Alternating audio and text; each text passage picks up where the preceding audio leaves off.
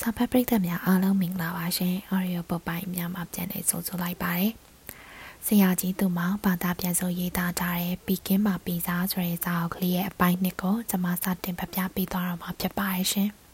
။ရန်နီဒီကျောင်းတွင်စာတော်သူဖြစ်ပါသည်။ထို့ပြင်အတန်းသားများထံအမှန်စရာတာလွန်နေသဖြင့်သူ့ဆရာမသည်သူအားတီးတန့်ကျောင်းပိတ်ထားပေးရသည်။တက်ပြီးသားကလေးကိုစာနိုင်မငီးငွေ့စေရန်ဖြစ်သည်။ ထို့ကြောင့်ရေနီသည် ကျမမက်တိုနဲ့အတူအိမ်လုံများကိုကူညီခွင့်ရနေတော့သည်ဝီလီဝင်လဲမှသည်မောင်ရီပြိုးသည်အတီအလုံးလုံးနေရသဖြင့်ကျမသည်ညတိုင်းအိမ်မက်ပင်မနိုင်စွမ်းမရှိအောင်ပင်ပန်းရလာသည်ကျမ၏သပင်ကိုပင်လျင်ဖြက်မီဖြက်မီနဲ့မပြတ်ဖြစ်ခဲ့ပါဤနေ့တော့ကျမ၏သပင်များဖိုးယိုဖားရနှင့်ကြောကုန်းပေါ်တပုတ်ပုတ်ကြလျက်မခံကြီးမခံသာအနေရခလာသည်ဒီသပင်တွေတော့ဖြတ်လိုက်တော့မယ် စပင်များကိုထုံးချလိုက်ရင်ကျမညီးတွားသည်ကိုရန်နီကြားသွားသောအခါသူဟာကန့်ကွက်လေတော့သည်မလုပ်ပါနဲ့မမီယာဘာဖြစ်လို့လဲတာရဲ့စန်တုံမတွေကျွန်တော်တိတ်မုန်းတာပဲစန်တုံမတွေမမီယာမင်းမမီမဟုတ်လားဟုတ်တယ်ဟုတ်တယ်အဲ့လိုဆိုစန်တုံမမီရန်နီသည်သူစကားကိုသူသဘောကျပြီးရှိသည်ကျမသည်ဂျယ်ရီကိုတတိယမိပြန်သည်ဂျယ်ရီသည်ငယ်စဉ်ကရန်နီကဲ့သို့ဝင်ရှိမောတတ်ပါသလား ကျမမသိနိုင်ပါဂျယ်ရီကလေးဘဝကိုပြန်ပြောပြနိုင်မည်သူလည်းကျမအနီးမှာမရှိပါဂျယ်ရီကလေးဘဝအကြောင်းကျမဘယ်တော့မှသိနိုင်မည်မဟုတ်တော့ပါလူတို့၏နှလုံးသားများသည်မိမိကိုယ်ပင်လျင်ဘလောက်ထိလျှို့ဝှက်သွယ်ဝိုက်တက်လာပါသနည်းခံစားမှုတို့သည်လည်းဘလောက်ထိလိမ့်လဲလှည့်ပြားတတ်ပါသနည်း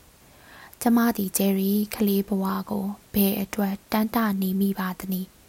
ကျမစိတ်၌ဖြစ်ပေါ်နေသမျှကိုကျမမပြောပြတတ်ပါရှင်။ သို့ပေမဲ့ဂျယ်ရီ၏အဖေသည်အသက်ထင်ရှားရှိနေပါလိမ့်မည်။သူသည်သူ့အသားအကြောင်းကိုပြောပြနိုင်ပါလိမ့်မည်။သူ့ကိုရှာဖို့အစီအစဉ်များကိုရုတ်တရက်ချလိုက်သောအခါ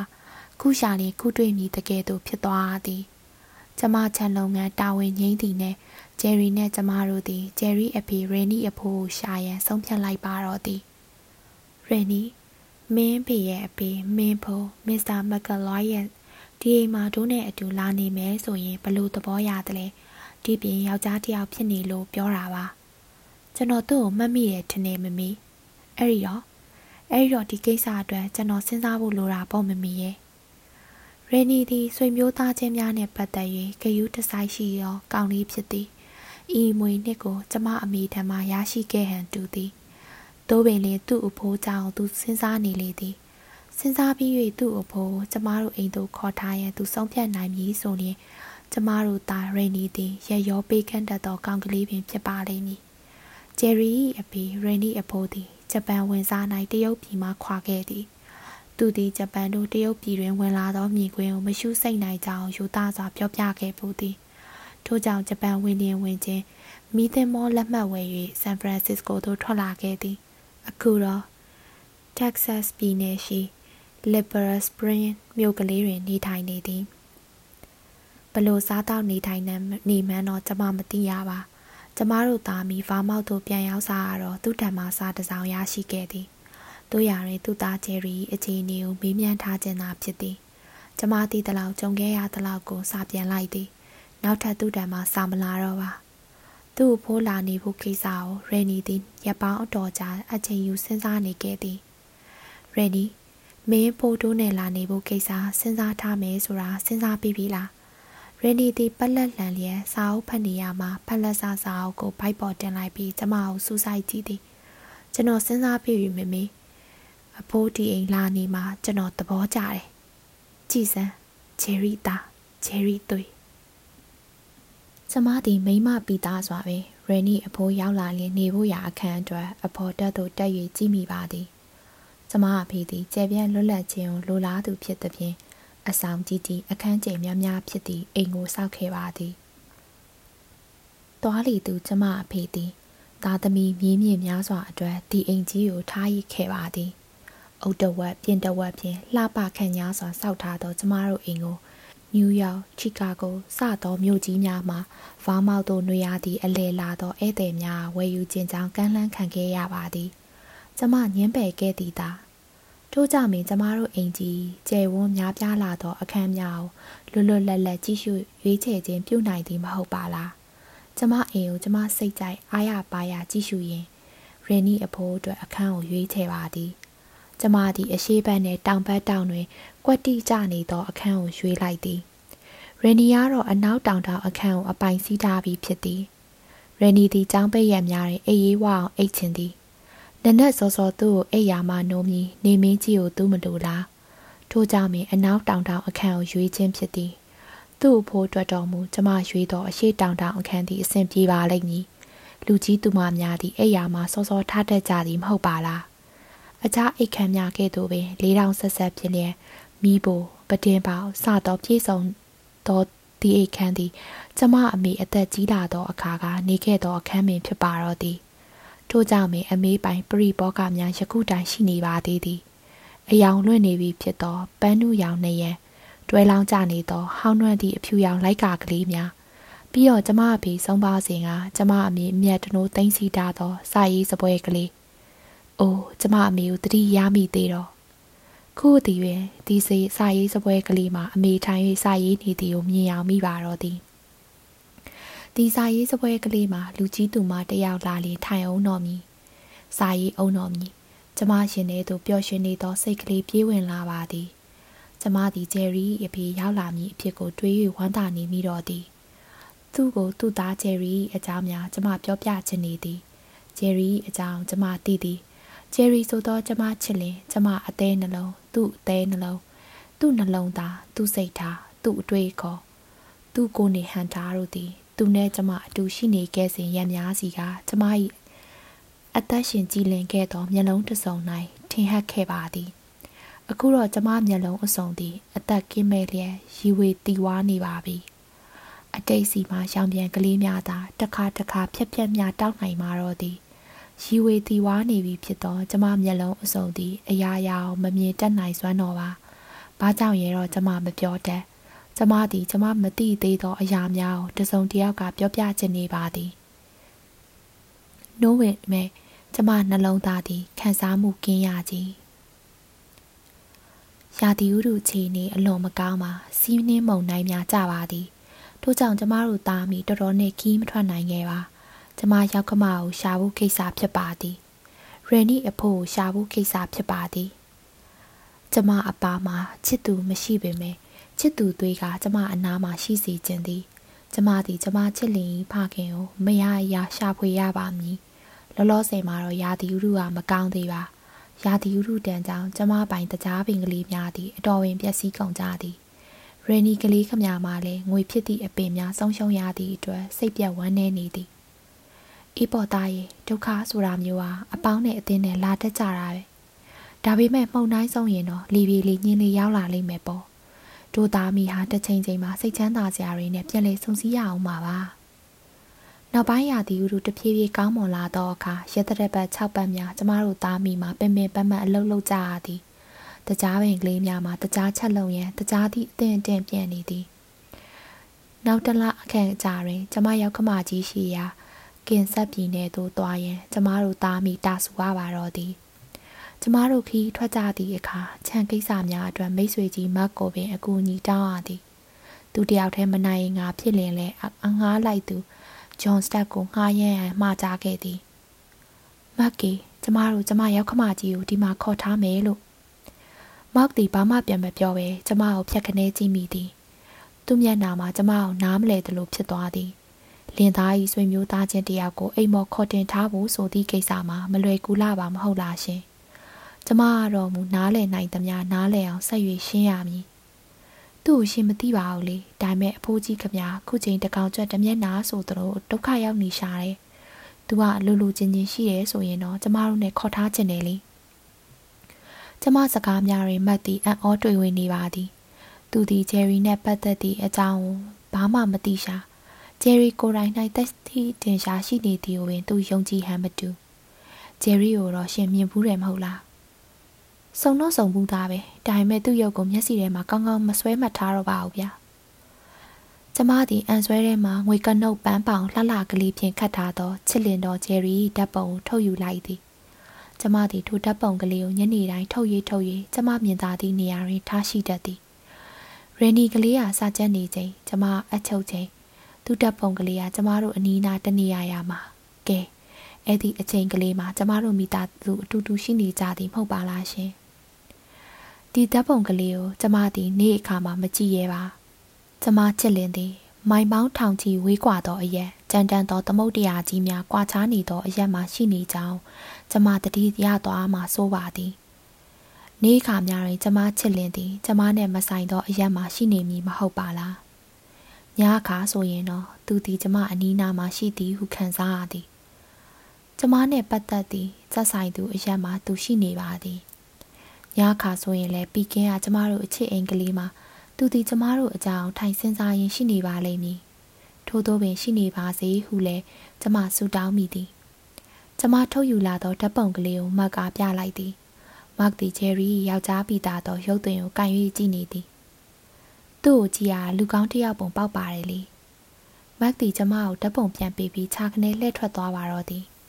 ဤသို့ပင်ရှစ်စီကျမချစ်လင်၏တပ်ပုံကိုသူမြင်တွေ့သွားသဖြင့်ဂျယ်ရီတယောက်အသက်ထင်ရှားရှိနေသည်ကိုတော့သူယုံကြည်သွားပေလိမ့်မည်ယနီးနာချင်းတွေကလည်းတဆင်စကားပြောကြရလိမ့်မည်ရဲရွာကျမအပေါ်ခတ်စိမ့်စိမ့်ခတ်တန်တန်ဖြစ်နေသည်များလေထိုခါကျရင်ပြည်တင်းသလောက်ပြေပြောက်သွားကြပါလိမ့်မည်အမှန်တော့ကျမအဖိုးသည်ဒီနယ်မြေသားမဟုတ်ပါကျမမိဘများသည်လည်းဒီရက်သို့နွေရသည့်အလေလာကြရင်မှဒီရက်မှာပင်အခြေချခဲ့ခြင်းသာဖြစ်သည် ထို့ကြောင့်ကျမကိုဒီအရက်သားများလွန်စွာအတိအမှတ်မပြုခဲ့ပါဒီကြားတွေကဂျယ်ရီနဲ့ပတ်သက်၍လေသူတို့ကကျမကိုမယုံကြည်ခဲ့ကြပါဂျပန်ရန်နီကလေးတီလည်းဤအရက်ကလူမှုအကျင့်ဆိုင်များနှင့်ကွာဟနေခဲ့သည်ရန်နီတီပင်ကင်းတွင်ကြီးပြင်းခဲ့သူမဟုတ်ပါလားဒီကြောင့်အားလုံးပေါင်းတော့ရက်ရွာနဲ့ကျမတို့မိသားစုကင်းကွာရပါတော့သည်ကျမတို့သည်ဂျယ်ရီဖခင်ရှိရာသို့ယထာဖြင့်ခီးထွက်ခဲ့ကြပါသည်အစာတွင်မော်တော်ကားဖြင့်သွားရင်စီစဉ်ပါသေးသည် တို့ရရင်ခီးသွားရခြင်း၌လူကြီးသူမများအပေါ်မိရထားဖြင့်ခီးသွားရခြင်းသည်တတ်တာရရပါစေသည်ဂျယ်ရီအဖေအပြန်ခီး၌ကျမတို့နဲ့လိုက်ပါခဲ့ပါလျင်လေမိရထားနဲ့မှတတ်တတ်တာတာရှိမည်မဟုတ်ပါလား။အိုးဒါပေမဲ့ဂျယ်ရီရဲ့အဖေသည်အိမ်ကိုလိုက်လာဖို့ရာကျမအသေးချာနေခြင်းဖြစ်ပါသည်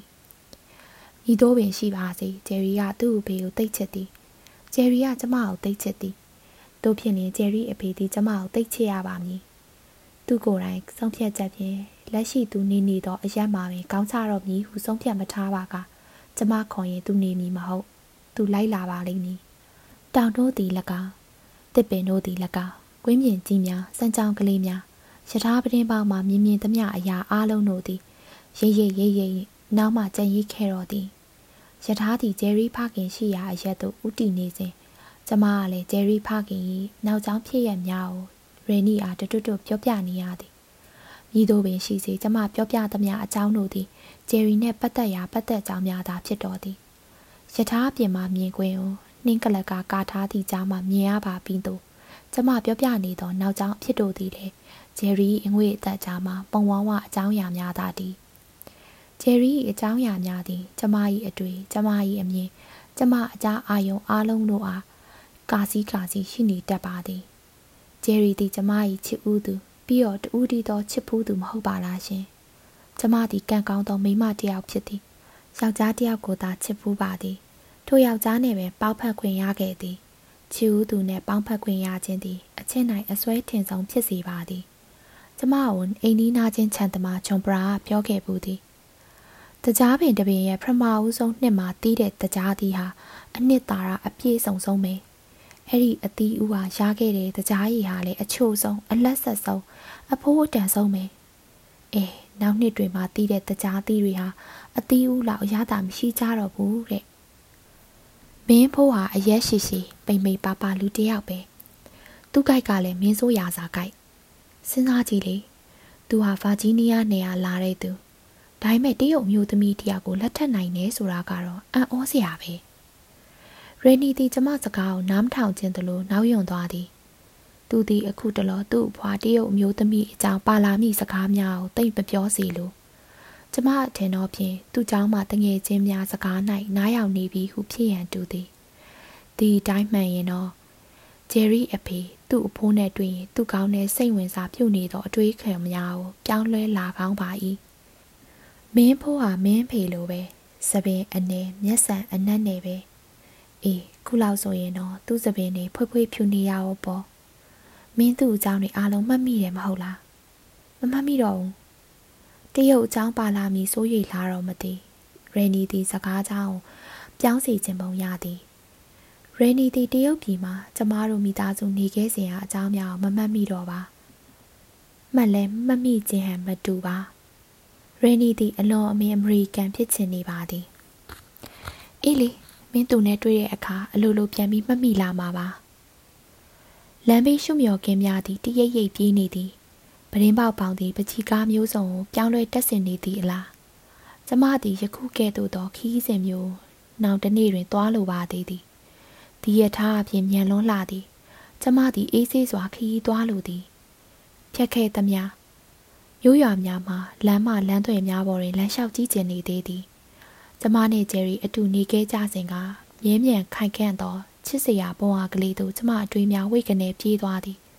ချစ်သူနဲ့နေရခြင်းသည်လေးပြေလိုလွတ်လပ်လာသည်မဟုတ်ပါလားညကဆိုရင်ကျမတို့ယထာလန်တနေရာတွင်ညအိတ်နာသည်ပရင်ပေါက်လိုက်ကကလေးလှက်လိုက်သောအခါလာတာနေသောရှုခင်းကိုငေးမျောခြင်းစရာမြင်ရသည်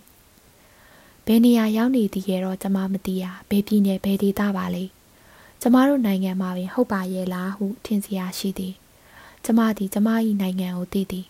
တို့ရတွင်နိုင်ငံနယ်နိမိတ်ကျယ်ဝန်းလာသည်နှင့်အမျှကျမသည်မိမိနိုင်ငံအတွင်း၌ပင်တရက်တစ်ပါး၌လူစိမ့်သူစိမ့်တပွဲဖြစ်နေသည်သို့ဆိုရင်ကျမချစ်သူဂျယ်ရီတယောက်အမေရိကသို့လိုက်မလာခဲ့သည်မှာဘယ်မှာအဖြစ်ဆိုပွဲရှိပါတော့မည်နည်းကျမတို့ခွဲခွာခဲ့ကြရသည့်နောက်ဆုံးညရှန်ဟဲဟိုတယ်တွင်ကျမသည်သူ့ရင်ပတ်ပေါ်မျက်နှာအလျက်သဲစွာငိုကြည့်ရှိုက်ငင်ခဲ့ရသည် လိုက်ခဲ့ပါမောင်ရဲ့နော်နော်လိုက်ခဲ့မယ်မဟုတ်လားပြီးတော့ကျမတို့နှစ်ယောက်ရဲ့အချစ်တန်အဖိုးတန်တာရှိသေးလို့လားကွယ်။အိုးမဟုတ်ဘူးမဟုတ်ဘူး။မင်းထက်ချစ်ရမယ်လူလည်းမရှိဘူး။တို့အချစ်တဲ့အဖိုးတန်တဲ့အရာလည်းမရှိပါဘူး။ဒါပေမဲ့စဉ်းစားကြည့်စမ်း။ Eve တရုတ်ပြည်ကခုမောင်ထွက်ခွာသွားရင်ဒါဟာနောက်ဆုံးအကြိမ်ထွက်ခွာခြင်းပဲ။မောင်နောက်တစ်ကြိမ်တရုတ်ပြည်ကိုပြန်လာဖို့မလွယ်တော့ဘူး။ ပြီးတော့ကအမေရိကမှာမောင်ဟာလူစိမ့်သူစိမ့်တယောက်ဖြစ်နေမှာ။အိုးကျမရှိသားပဲဟာ။ဟွန်းမင်းရှိပေမဲ့ကွယ်သူစကားကိုမဆက်ပဲငိမ့်ငိုင်သွားပါတော့သည်ထိုညသူနဲ့ကျမပြောခဲ့ကြသည့်စကားတို့သည်ပုံမြင်တပွဲပြန်ပြောရန်ဖြစ်သောဝေတီဝါသောအတိတ်စကားတို့မဟုတ်ပါလေကျမဘဝတွင်ကျမနှလုံးသားတွင်ကျမအုံနောက်တွင်အိုးကျမတကူလုံးတွင်ကြောက်ထက်အခရာတင်ပြီးတို့ပါရှင် ဂျယ်ရီပြောသောစကားတို့သည်ကျမ၏စိတ်ကူးရင်အိမ်မက်များမှာကျမကိုလှန်၍လှုပ်၍နှိုးလိုက်ပါတော့သည်အော်ချစ်သူနဲ့ရှင်းလင်းလဲအတူတည်ရင်လဲအတူအုတ်ကူချင်းပင်ကက်လျက်အတူတူဟူ၍စိတ်ကူးရင်ခဲသမျှတို့သည်ပြက်ပြဲကုန်ကြရပါလေတော့သည်ရှန်ဟဲမြို့မှနောက်ဆုံးညတကောင်ရံတွင်ကျမသည်သူ့စကားထဲကကဲ့သို့ပင် လူစိမ့်သူစိမ့်တယောက်ဖြစ်နေပါပြီကော ဂျယ်ရီဘေကိုကျမတို့သားမိရှာတွေ့ပါသည်တိတ်ခက်ခက်ခဲခဲရှာမယူရပါအနောက်ဘက်ကင်ဆာနယ်ရှိနှစ်ပင်တခန်းတိုက်ကလေးများပြုတ်သိမ့်နေသောနေရာကလေးမှာပင်ဖြစ်သည်တို့ရတွင်တိုက်ကလေးများ၏အစွန်းတဲအိမ်ကလေးငယ်တစ်လုံးမှတွေ့ရခြင်းဖြစ်သည် Little Spring ဆိုသော အမည်နှင့်လိုက်ဖက်စွာသောချောင်းကလေးများတပွဲမွေလီတိမ်လီ လမ်းပုံတံများဖြင့်တိဆောက်အပ်သောထိုမြို့ကလေးကိုမြို့ကလေးဟုပင်ကျွန်မမထင်နိုင်ပါမြို့ကလေးမကြရွာကလေးမကတော့လူနေအရဟုသာကျမမြင်ပါသည်ဒီနေပုံမှာလဲတောင်ပေါ်မကြမြေပြန့်မကတော့အနေထားမှာဖြစ်သည်မို့ကျမပေးသောလူနေရက်ကလေးဟုသောအမည်နဲ့တကယ်ပဲကိုက်ညီပါသည် စားကလူနေရက်ကလေးတွင် မထင်မရှားရောင်းနေရသောတာတကွဲမရတကွဲဆွေမျိုးသားချင်းများသည်လေတကွဲတပြားဖြစ်သောတနာပွဲအဖို့ကိုရှာဖွေတွေ့ရခြင်းဒီမှာကလွယ်ကူလာပေသည်မရေရာသောလူကြီးတယောက်ကိုစကားကြသောတနေရာတွင်အလွယ်တကူရှာတွေ့နိုင်တော်လဲအသေးချာအရေးအရာအသက်ရှင်ရှိနေပါလျက်တိကျခိုင်မာသောနေရာတွင် နေထိုင်သည်ကိုသိနေရပါလျက် ချစ်လာစွာသောကျမချစ်သူဂျယ်ရီကိုတော့မဆုံတွေ့နိုင်ပါတကားလောကကြီးစမ်းကြဲခြင်းပင်ဖြစ်ပါလိမ့်မည်ရှင် Lipton Spring ဘူဒါယုံရောက်၍ယထာပေါ်မှဆင်းဆင်းခြင်းပထမအဆုံးတွေ့ရသောမျိုးကန်ရွာကန်ထင်ရသူလူတယောက်ကိုမေးလိုက်တော့အခါဂျယ်ရီအဖေကို ထိုသူသည်ချက်ချင်းပင်သိရှိနေကြောင်းတွေ့ရသည်မစ္စတာမက်ကွိုင်းရဲ့သိပါတယ်ခမအင်မတန်လူကြီးလူကောင်းပြီးသားတဲ့အဖိုးပါပဲ စီးရွက်ကြီးများကိုဝိုင်းရင်ပလုံးပထွေးပြောတော့ထိုလူကပင်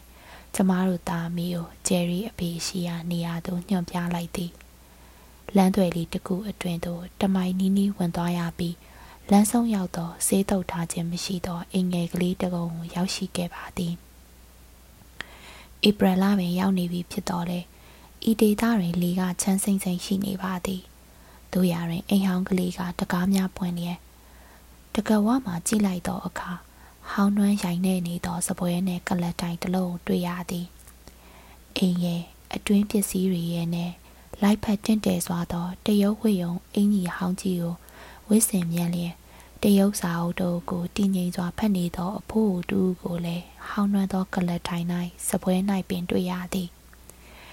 သူကဂျယ်ရီအဖေရေနီအဖိုးအမေရိကန်စစ်စစ်ကြီးပါရှင်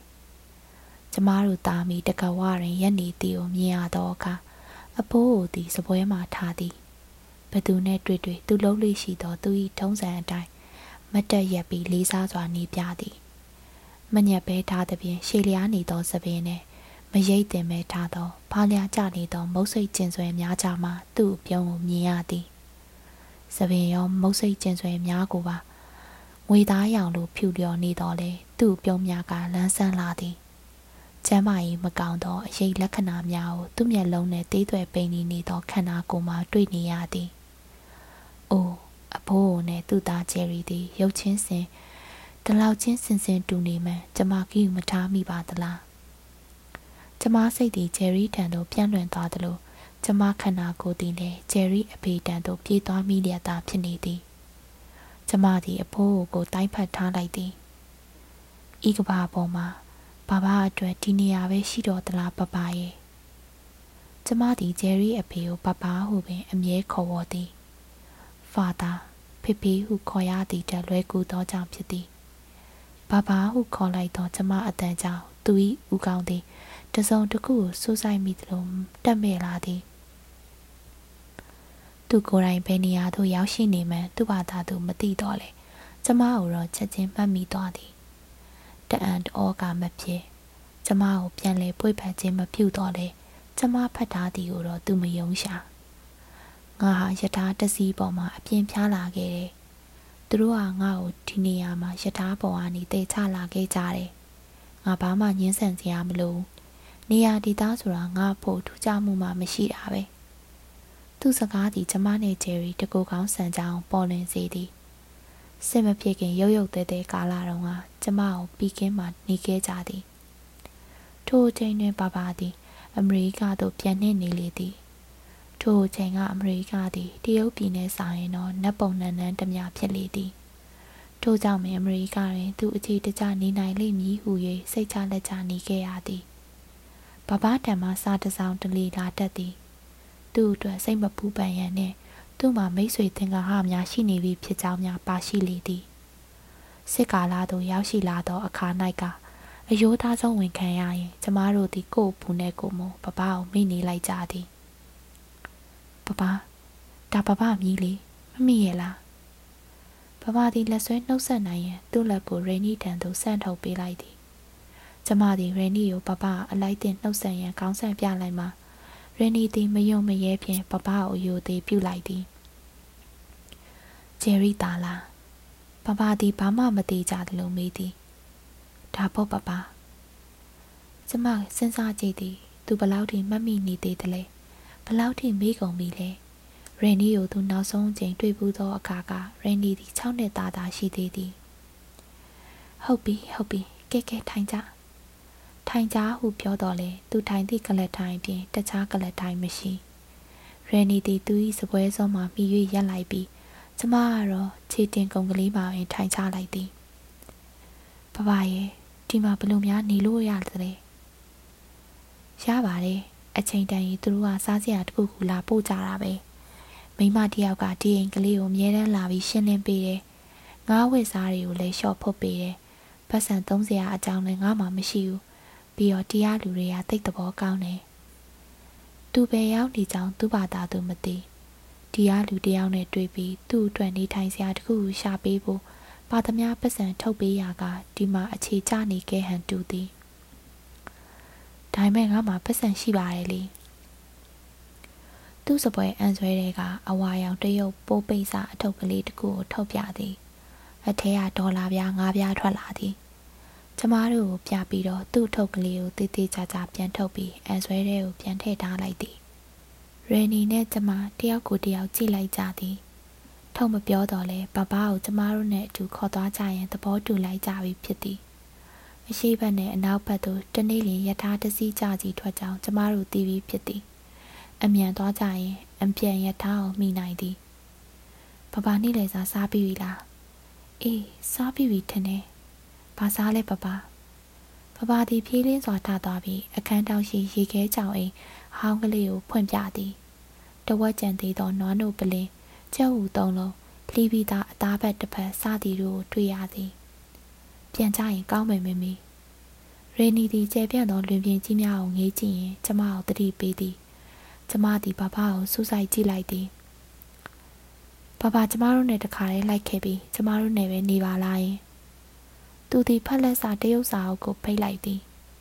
မင်းတို့ကနေစီခြင်းလို့လား ဘလို့ပြောလိုက်ပါလိုက်ပပရဲ့တိတ်နေစီခြင်းတာပေါ့ဂျယ်ရီအခုဗမာလဲပြီးကင်းမှာပဲရှိသေးတယ်သူပြန်လာမှလားကျမမျှော်လင့်နေတုံးပဲကျမတို့စကားကိုရယ်နီယာဖြတ်တောက်လိုက်သည်မမေဟိုမှာလူတယောက်လာနေတယ်ထိုလူတယောက်မှာယောက်ျားတယောက်ဖြစ်သည်ထိုသူသည်ခြေလမ်းကျဲကြီးများနဲ့ကျမတို့နဲ့တန်တန်မတ်မတ်ကိုရှောက်လာသည်ခဏချင်းမှာအိမ်တကားဝါသို့ထိုသူရောက်လာသည် သူသည်လူငယ်တယောက်တော့မဟုတ်ပါ လူကြီးတယောက်လည်းမဟုတ်သေးအရက်ရှိရှိရင်အုပ်ကြဲကြဲနဲ့ဖြစ်သည်စပင်အသားမှာဤကြမ်းကြမ်းတယောက်လည်းဖြစ်ပြီးအနောက်ဖက်အနောက်ဖက်သားမျက်နှာပုံစံမျိုးရှိသည်ဘာဖြစ်နေကြတာလဲလို့သိကြလို့ပါဒီဘိုးကကျွန်တော်အိမ်နီးနာခြင်းမို့သူ့ကိုကျွန်တော်အမြဲကြည့်ယူဆိုင်နေပါတယ်။အော်ရှင်ကဒီဝင်းချံပိုင်ရှင်လား။ဟုတ်ပါတယ်ဒီမြေကကျွန်တော်အဖေရဲ့မြေပါ။ကျွန်တော်တို့ကမွေးမြူရေးလုပ်ပါတယ်ဒီဝင်းဟာလည်းသူ့အုပ်တွေထား ထားတဲ့ဝင်းပါ။ကောင်းပါလိမ့်ရှင်။ကိုလိုဆိုတော့ကျမရောက်ကမကြီးကိုရှင်ကြည့်ဆိုင်နိုင်တာပေါ့။ဒါပေမဲ့တနာစရာကောင်းတဲ့အဖို့တယောက်ကိုဒီလိုနေရာမျိုးမှာရောင်းချချာနဲ့တယောက်တည်းဖြစ်ထားတာတော့ကျွန်တော်စဉ်းစားလို့မရဘူးဗျာ။သူသည်တကယ်ပဲစာနာစွာတကယ်ပဲအကယူနာဒေါသဖြစ်စွာဖြင့်ပြောသည်။ဟိုကျမတို့ဒီလိုတော့မရည်ရွယ်ပါဘူး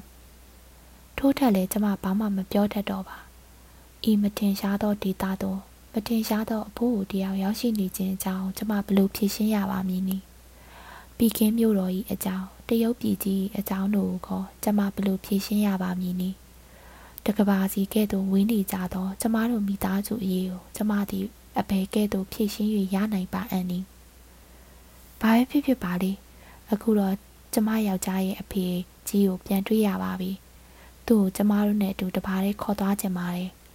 အော်မင်းနေလိုက်ပါရှင် ကျမဟာ Miss Cherry Melon Quest ပါဒါကကျမရဲ့သား Rainy ပါ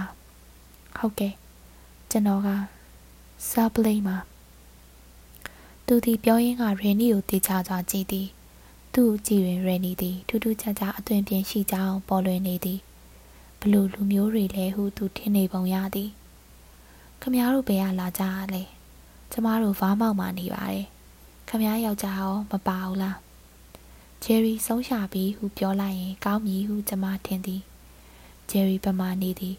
ဘာကြောင့်နေသည်စတော့အကြောင်းများကိုပြောပြလိုက်ရင်လေသူယခုတက်ကျမတို့အပေါ်မှာပို၍တန်တရားဖြစ်သွားနိုင်သည်ကွန်မြူနစ်တို့၏တရုတ်ပြည်တွင်ကျမယောက်ျားရှိကြောင်းဘလို့ပြော၍ဖြစ်ပါမည်နီသူလားသူနိုင်ငံသားမှာပါဆက်ပလိတ်သည်ကျမတို့သားမီးကိုစင်စင်စားစားကြီးကြည့်နေသည်ဘာကြီး ဘာကြီးကတော့ဒီမျိုးသမီးနဲ့တငယ်ကိုမှတ်မိလို့လားသူဟာငါသားရဲ့မိန်းမပဲဒီတငယ်ကလည်းဂျယ်ရီရဲ့သားပဲဘာကြီးကသူတို့နဲ့လိုက်သွားခြင်းလို့လားငါလိုက်သွားခြင်းနဲ့မလိုက်ချင်မဲနဲ့တော့မလိုက်နဲ့နော်ဒီမှာနေချင်ရင်လည်းကျွန်တော်ကဘာကြီးကိုကြည့်ရှုစောင့်ရှောက်ထားမှာပဲငါသွားမယ်ကောင်းပြီလေဒီလိုဆိုရင်လဲထို့သူဒီတန်တရားကင်းဟန်တော့မတူကျမတို့ကတော့ယထာမိသွားကျင်လာပြီဖြစ်သည် ကျမတို့မြန်မြန်သွားနိုင်ရင်အပြန်ယထာမိတန်ကောင်းပါရဲ့ကျမကျွန်တော်မှာမော်တော်ကားရှိပါတယ်ဘပြီးတော့သူ့မှာသိမ်းစရာလဲစရာပစ္စည်းလည်းသိမ်းမရှိပါဘူး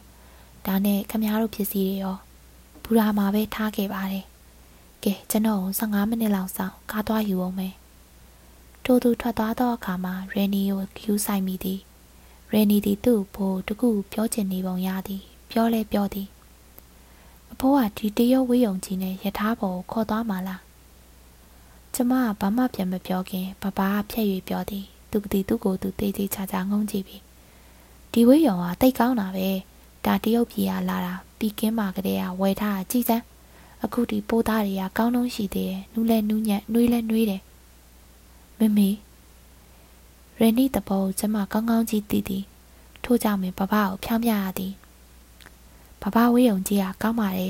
ယူချင်လဲယူသွားတာပေါ့ဒါပေမဲ့ခီးသွားရတာကတော့ကိုအင်းညီလေးပါလေးနဲ့ပဲကောင်းတယ်အမေရိကန်တွေရဲ့အကြောင်းလဲဘဘအတိသားနဲ့အသွင်တံမတူတဲ့သူဆိုရင်သူတို့ကတမျိုးမြင်တာမဟုတ်လားဒီအတွက်ဘဘသည်ဘာမှမပြောတော့ပါရင်နီကတော့လိုက်ကာအတွင်းပတ်နေရန်တွင်ချိန်ထားသောအရာတစ်ခုကိုတွေ့ပြီးဖြစ်နေသည်ရင်းနီသည်ထိုအရာကိုသွားယူလိုက်လေသည်ထိုအရာကတရေအိတ်တစ်လုံးဖြစ်သည် ထိုတရေအိတ်ထဲမှအမေရိကန်ဝတ်စုံတစ်စုံကိုရင်းနီသည်ထုတ်ပေါ်တွေ့ရှိလာသည်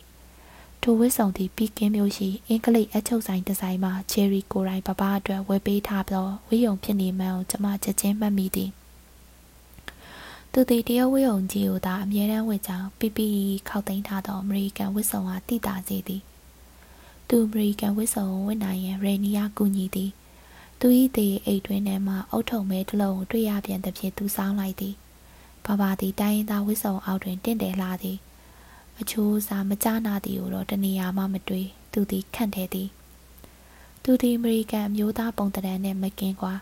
တို့ရရင်သူသည်ကျမတို့ကိုအလွန်အမင်းလေးစားသမှုပြုနေပုံရသည်သူ့အုံနောက်သည်တစုံတစ်ခုများတွေ့ရင်းနေပြီလားသူ့ဟာသာသူဘာဖြစ်နေသည်ကိုပင်သူသိသလားမသိသလားကျမမသိကြသူ့ဘဝကိုကျမတို့လက်သို့ပုံအပ်လိုက်မိအသွင်ပေါ်နေသည်ဟာတေချာလှကြသည် ဖုံလုံးကြီးများသည်အင်္ဂလိပ်အတွင်းသို့ဝင်လာကြပြီးဆပ်ပလိန်ပြန်ရောက်လာကြောင်းအကြောင်းကြားသည်ဘဘကိုရေနီယာတွဲခေါ်၍မော်တော်ကားပေါ်တင်ပေးသည်ရေနီနဲ့ဘဘကနောက်ခန်းတွင်ထိုင်ပြီးကျမဆပ်ပလိန်နဲ့အတူရှေ့ခန်းမှာပင်ထိုင်လိုက်သည်ကား၏ရှေ့ခန်းသည်အိတ်ခမ်းတစ်ခမ်းလိုပင်ကျဲဝန်းသည်ကိုထင်မိရသည်ဒီကားမျိုးတစ်ခါပဲမြင်ဘူးတယ်တသက်အော်ရာမှယူတာမော်တော်ကားသည်ဆပ်ပလိန်ကဲ့သို့ဖြက်လက်စွာပြေးထွက်လာခဲ့သည် ဖုန်နှင်းကြီးများလက်၍လက်၍ကြံရစ်ခဲ့သည်ကား၏အရှိန်ကြောင့်ကျမဘာမှဆက်၍မပြောဖြစ်တော့ပြီးကင်းတွင်နေစဉ်ကမြဲဆွဲသောလဲရင်လန်ချားစသည်တို့ကိုနှစ်ပေါင်းများစွာစီးကျင့်နေလာသောကျမအဖို့အရှိန်ဟုန်ကိုခန်းစားနိုင်သောအင်အားများလျော့နေနေခဲ့ပြီးရထားချိန်အမိပူရာသို့ကျမတို့ရောက်ရှိခဲ့ကြပါတော့သည်ဟိုရောက်ရင်ဘာကြီးအချိန်နေလဲကျွန်တော်စီစာရေးပါအောင်နော်ဇဲဖလိတ်သည်ကျမလက်ကိုဆွဲကင်နှုတ်ဆက်လိုက်သည် နောက်တစ်ချိန်ပြန်ဆောင်ကြသေးတာပေါ့ဗျာယထာသည်တရွေ့ရွေ့ထွက်လာပါတော့သည်ကျမတို့မိသားစုနေရာတကြား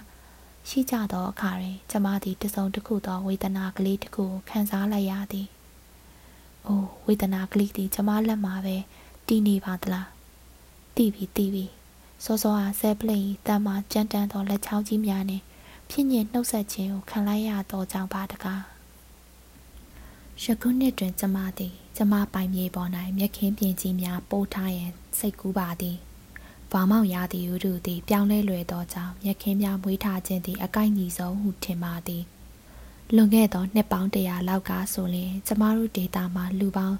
18000လောက်သည်တစုံတယောက်၏စကားကိုနားယောင်ပြီးတောင်တန်းများပေါ်ခက်ရခက်ဆက်သွားကစပားဆိုင်ဖို့စူးစမ်းခဲ့ပူသည်ဟုကြားပူသည်။တို့ပေမဲ့မအောင်မြင်ကြရှာပါ။ ဒီလိုနဲ့မြေစမ်းခရမ်းပြိုးကြရင် အုပ်စုကလေးများကွဲထွက်ကကိုယ်နယ်မြေနဲ့ဝေးခွာခဲ့ကြရသည်သူတို့၏သားစဉ်မြည်ဆက်တို့သည်လည်းခေါင်ကားစား၍မိုးမလုံဆိုတကယ်သို့ပို၍ပို၍တကွဲတပြားဖြစ်ကြကုန်သည်ယခုအခါတွင်မှာကိုယ်နယ်မြေကိုကိုပြန်၍ရှာဖွေကြရသောအခါကိုယ့်၏ကိုရာကိုမြေကိုချမ်းဟူ၍တတ်တတ်မတ်မတ်ပြန်မရကြတော့ကြည်ကျမတို့နယ်မြေသားများ၏အဖြစ်သည်ကျမအဖြစ်နဲ့ကောဗာများထူးကြပါသည် ကျမသည်လည်းကိုမြေကိုပြစ်ခွာ၍နေသစ်သို့ရောက်ခဲ့ရလေသည်ချစ်တဲ့သူနောက်သို့ကောက်ကောက်ပအောင်လိုက်သွားခဲ့ပြီးတရုတ်မြေကိုဆန်၍အိမ်နောက်ရေးခရံပြိုးခဲ့ရသည်ယခုတော့ကိုမြေကိုရာကိုပြန်၍ရှာဖွေရောက်ရှိခဲ့ပြန်သည်မဟုတ်ပါလားယခုတော့ကျမသိပြီပီကင်းကကျမအချစ်အိမ်စီတို့ကျမဘယ်တော့မှပြန်ရတော့မည်မဟုတ်တော့ပါပီကင်းမြို့မှာကျမတို့အိမ်ကလေးသည်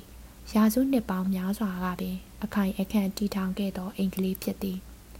အိမ်ကိုအုတ်နေရကြီးများဖြင့်ဝင်းခတ်ထားသည်ဝင်းတကားကြီးများကိုလည်းကြည့်ပါဦးတင်းမြတ်သောအနီရောင်တစ်မာသားများဖြင့်အခိုင်အခန့်ပြုတ်လုပ်ထားသည်တကားဖောင်ကြီးများကိုကျေးဝတုံးကြီးများဖြင့်ပင်ပေါင်ခတ်ထားသေးသည်ထိုဝင်းတကားကြီးများကိုပိတ်လိုက်ဖွင့်လိုက်ဖြင့်ကျမချစ်သူဝင်လိုက်ထွက်လိုက်လုံနေတတ်သည်ကိုကျမမြင်အောင်မိပါသေးသည်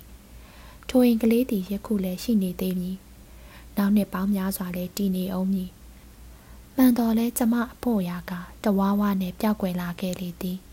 အစားကတော့ထုံမြခိုင်ခံ၍ချစ်စပွဲအတီတကြအခြေချနေထိုင်ခဲ့ရသောပီကင်မြို့တော်မှာကျမ၏မိခင်မြေဖားမောက်သောဘယ်တော့မှကျမပြန်ရောက်ရမည်မဟုတ်ဟုကျမထင်ထားခဲ့မိသည်ယခုတော့မိတ်ဆွေကြီးမက်ကီကျေးဇူးကြောင့်ပင်ကိုမြေကိုချံကလေးကိုတသက်မမှန်နဲ့ပြန်ရခဲ့လေသည်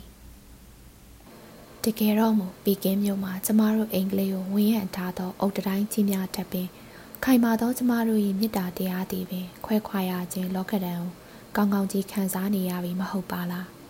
ပီကင်းရှိအင်္ဂလိပ်တွင်တွေ့ညှိခဲ့ရသောကျမ၏တန်ရောစင်အမြင့်ကလေးသည်ပင်နှင့်နှုတ်ဖြစ်ခြင်းကိုခံလိုက်ရပြီမဟုတ်ပါလားရှင်ဂျယ်ရီထံမှနောက်ဆုံးလာသောစာကိုဘာဘာရှိတွင်ကျဲလောင်စွာတန်ကုန်းဟိ၍အော်ဖတ်ပြရလျင်ဘယ်သို့နေမည်နည်း တကယ်တော့မူကျမ၏ခံစားချက်ကိုသူတပါအားမျှဝေ၍တောကမပေးလိုပါအထူးသဖြင့်ဒီနေ့တွင်ဂျယ်ရီနှင့်ကျမတို့၏အဖြစ်မှန်ကိုဘာဘာအားမပြောလိုပါဒီနေ့မေလ15ရက်နေ့ကျမနဲ့ဂျယ်ရီတို့လက်ထပ်ခဲ့ကြသောနေ့ဖြစ်သောကြောင့်ဖြစ်ပါသည်အပျော်ဆုံးနေ့ဖြစ်ခဲ့သောလက်ထပ်နေ့မှာကျမသည်တယောက်တည်းမျက်ပင်ပြိုးသောအလုပ်ကိုလုပ်နေရပါသည်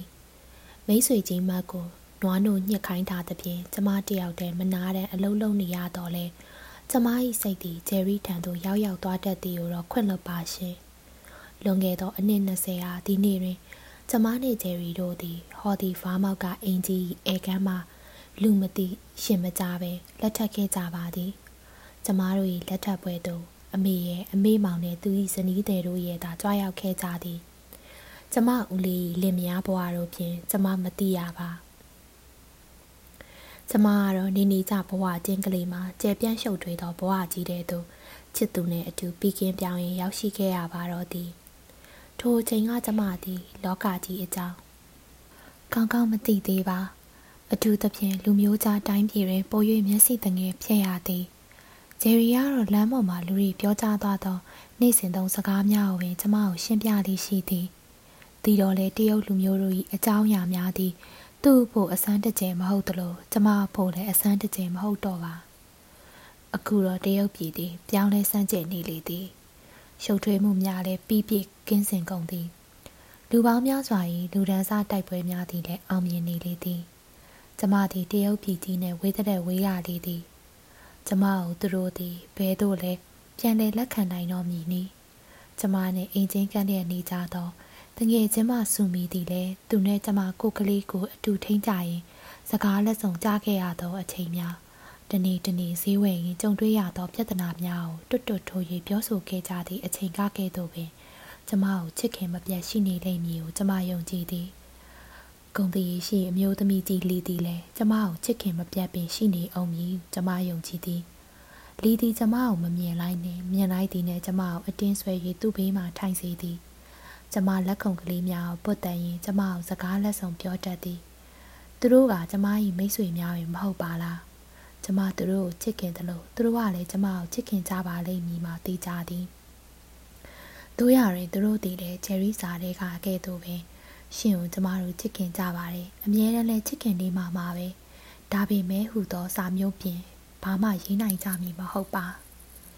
ချစ်ခဲ့သည်ချစ်နေစေဖြစ်သည်နောက်လဲချစ်ခင်နေပါအောင်မည်ဟုဆိုပါလင်ထိုဒါပင်မဲ့သည်ဘာကြောင့်နောက်ဆက်တွဲပါလာရပါသနည်းဒီမေကွန်း၏အဖြေကိုကျမလည်းမဖြေတတ်တော့ပါကျမနဲ့သူတို့ကြားတိတ်ဆိတ်ခြင်းကသာဆက်သွယ်လျက်ရှိသည်ညစာအတွက်ပြင်ဆင်ရင်မိဖို့ကြောင့်တို့ကျမဝင်လာတော့အခါညနေဆောင်၏နေအောင်ကြီးကိုချိန်နှက်စွာခံစားနေရသောပပကိုတွေ့ရသည် ပပသည်တရုတ်ဝေးုံကြီးကိုသာအမြဲဝစ်စင်တက်ပြီးအနှဲငယ်သာရှိသောသူ၏တရုတ်စာအုပ်အောက်များကိုထပ်ပံတလဲလဲဖတ်နေလေးရှိသည်စကားလည်းအိမ်မတန်နဲလေသည် သူဘာတွေကိုစဉ်းစားတွေးတောနေသည်ကိုကျွန်မမသိနိုင်ပါကျမတို့ရွာကန်ဒေါက်တာမစ္စတာဘရုစ်ကတော့တခါပြောဘူးသည်သူတယောက်တည်း Little Spring ကတဲကလေးထဲမှာနေတော့တစုံတစ်ခုအကြီးအကျယ်ခြောက်ချားစရာဖြစ်ခဲ့ဘူးတယ်နဲ့တူတယ် ဘလို့မှအပြေရှာမရနိုင်တဲ့ယောဂမျိုးဟာရှိနိုင်ပါသလားဒေါက်တာရဲ့ဒေါက်တာဘရစ်သည်လူကောင်းသူကောင်းတယောက်ဖြစ်သည်တမားကောင်းတယောက်လည်းဖြစ်သည်အရက်ရှိရှိထောင်းထောင်းမောင်းမောင်းနဲ့ရိုးသားသောရုပ်လက္ခဏာလေးရှိသူဖြစ်သည်တစုံတစ်ခုအတွက်တိကျပြတ်သားစွာလှုပ်ဆောင်တတ်ကြောင်းသူ၏မျက်နှာထားတွင်ပေါ်လွင်စေသည်။အိုးအဲ့ဒါဘာဖြစ်တယ်လဲသူ့အကြောင်းအစုံအစိတ်သိထားစရာကျမမှမအချိန်မှမရှိပါ။ ပြီးတော့ကျမနဲ့ရင်းနေသည်ဆရာဝန်ခေါ်ရလာအောင်ဖျားနာပူသည်မရှိ။ရှိနိုင်တာပေါ့ခမညာအဲ့ဒီလိုစိတ်နဲ့သက်ဆိုင်တဲ့ယောဂမျိုးရှိတဲ့လူဆိုရင်သူ့ကိုအတက်နိုင်ဆုံးဂရုစိုက်ပေးရုံအပြင်ဘာမှလုပ်စရာမလိုပါဘူး။သူသည်ဘယ်တော့အခါမှရေးကြီးခွင်ကျဲမလုပ်တတ်ပါတို့ရရင်ဘယ်တော့မှလည်းပွန့်ပွန့်လင်းလင်းအသိမပေးတတ်ပါသူသည်ဘဘကြီးအကြောင်းတိတန်သမျှကျမဟာတဆင်ပြန်ပြောနိုင်ရင်ရောက်ရှိနေတတ်ခြင်းသာဖြစ်ပါသည် အကြောင်းမှာပါပါသည် ကျမကိုယ်တိုင်ခေါ်ယူလာခဲ့ပါလျက်နဲ့ကျမကိုယ်တိုင်နားမလည်နိုင်သေးသောအဖိုးတယောက်ဖြစ်နေသောကြောင့်ဖြစ်သည်ကျမသည်ဘဘကိုဂျယ်ရီ၏ဖခင်အဖြစ်နဲ့သာသိသည်အခုဘဘသည်ဂျယ်ရီ၏ဖခင်နဲ့လုံးဝမတူတော့ပါပီကင်းတွင်နေစဉ်ဟာပပားဤအုံနောက်သည်ထက်မြက်လာသည်ဝေဖန်ပိုင်းခြားနိုင်လာသည်တီလွယ်မြင်လဲရှိလာသည်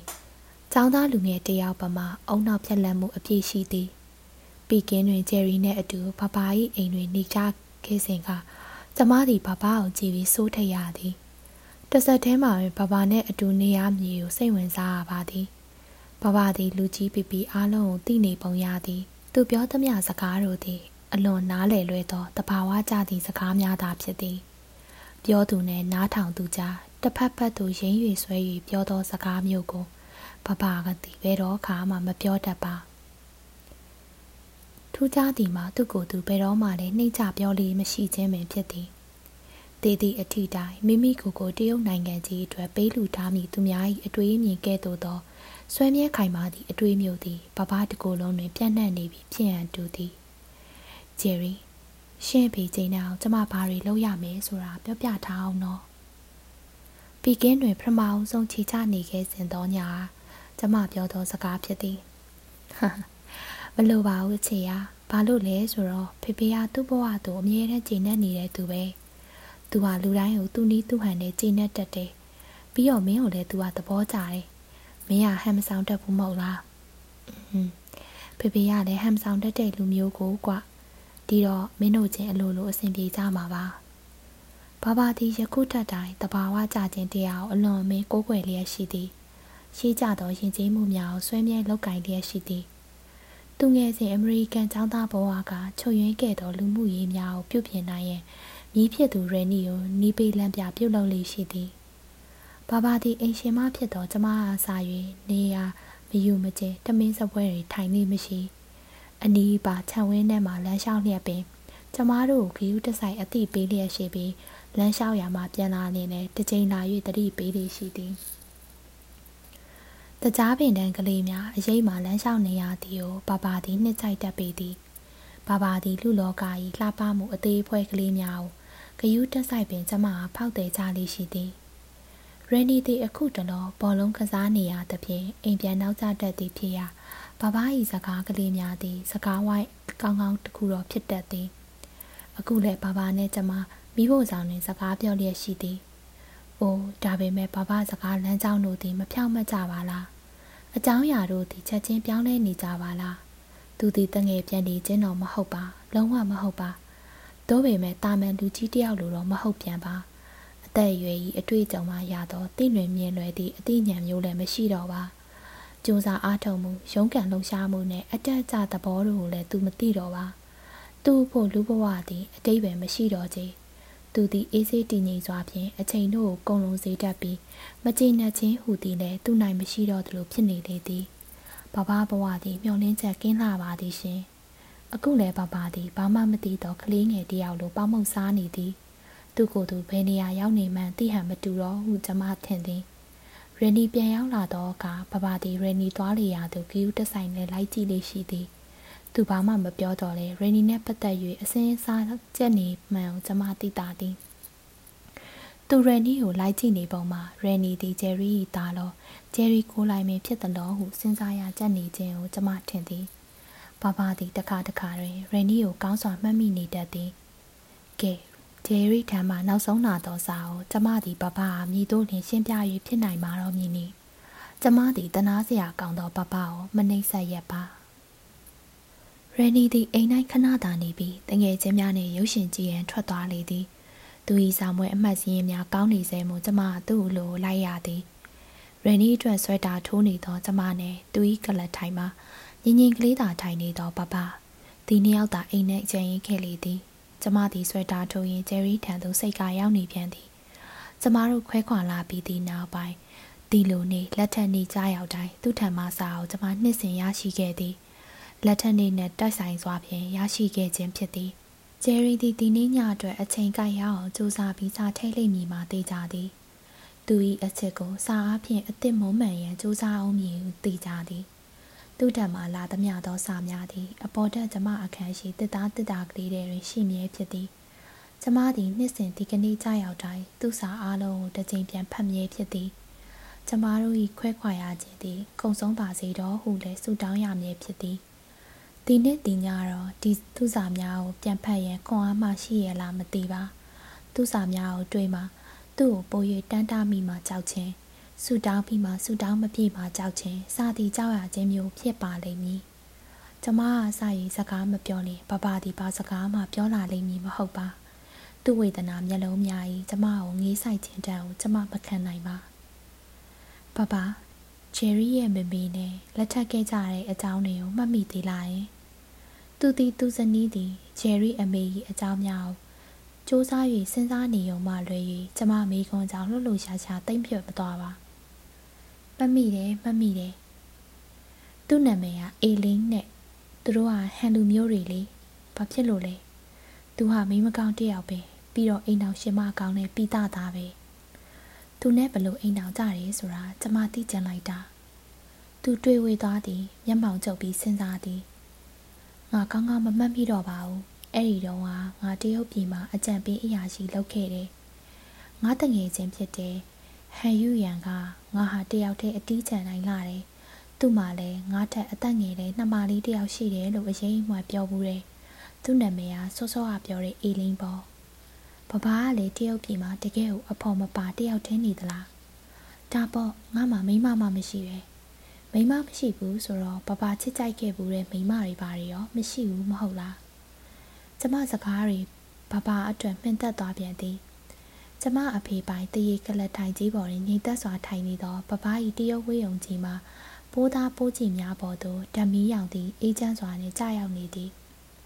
ထိုဓမီရောင်များကြောင့်ပင်သူ၏ဖြူဖွေးနေသောစပင်နှင့်မုတ်စိတ်မွေးတို့သည်တလက်လက်ရှိသည်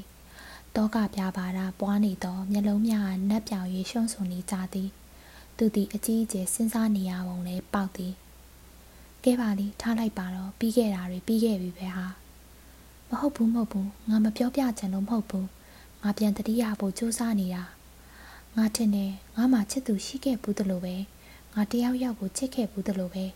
အေလင်းတော့မဟုတ်ဘူးဒီပြင်တယောက်ယောက်တော့တယောက်ယောက်ပဲ